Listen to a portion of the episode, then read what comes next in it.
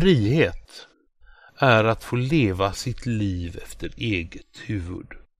Göra sina egna val och ta eget ansvar. Därför är friheten en förutsättning för ett lyckligt, harmoniskt och meningsfullt liv. Människor är olika. Vi har till exempel olika smak, intressen, förutsättningar, behov, drömmar, åsikter, tro, önskemål, preferenser, traditioner, käpphästar, hang-ups och nojor. Människor är olika. En storlek passar inte alla. Antingen accepterar man detta och låter människor leva i fred. Eller så bestämmer man uppifrån hur saker och ting ska vara oavsett om det passar de enskilda individerna eller ej.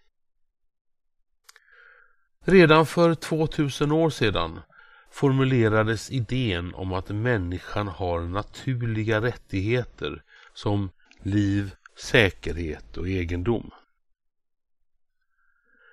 Denna princip är snarast en naturligt framvuxen konvention för civiliserad mänsklig samlevnad, våra olikheter till trots. Man skulle kunna säga att det handlar om att erbjuda människor ett önskat ömsesidigt tillstånd av fred, förutsägbarhet, tillit och grundläggande ordning. Att leva och låta leva. I ett frihetligt samhälle är det helt okej okay att eh, bilda socialistiska arbetarkollektiv som äger sin arbetsplats. Den som vill får bo i skogen, leva ett grönt liv och pressa kottar på sprit. Folk får tro på vilka konstiga saker som helst så länge de inte tvingar eller skadar andra. Mångfald och valfrihet råder. Tyvärr gäller inte det omvända. De flesta andra idéer inom politik och religion de gör anspråk på att föreskriva hur samhället ska fungera och kräver i princip att alla ska göra på samma sätt som de blir tillsagda. Och man är beredd att upprätthålla detta med tvång eller rent av våld om så krävs.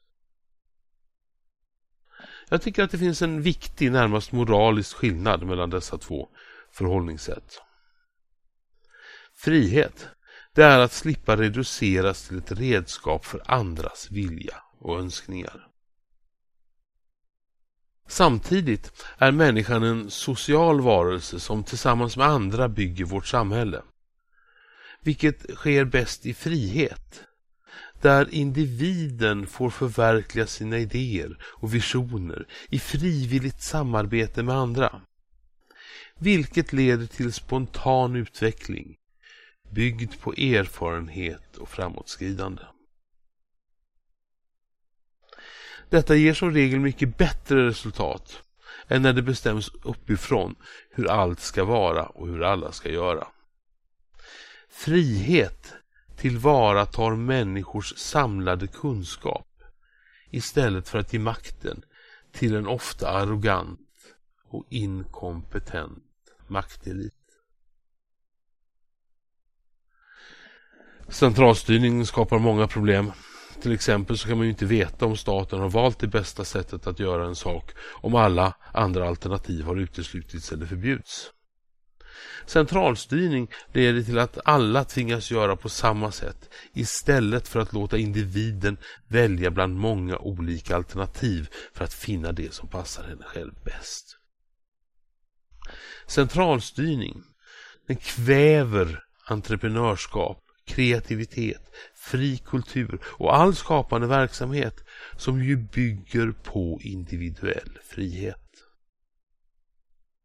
För den som är frihetlig har samhället inget utopiskt slutmål. Istället är det en närmast evolutionär process i ständig rörelse och utveckling utifrån verkliga förhållanden istället för fixa politiska eller religiösa dogmer. Det är därför fria samhällen är överlägsna vad gäller välstånd, tillväxt, utveckling och framåtskridande. Ändå röstar svenska folket på partier som vill minska individens frihet och som vill styra och ställa över alla andra. Ändå sväller statens makt på individens bekostnad. Och ändå tillåts EUs överstatliga centralstyrning breda ut sig. Och då går det som det går.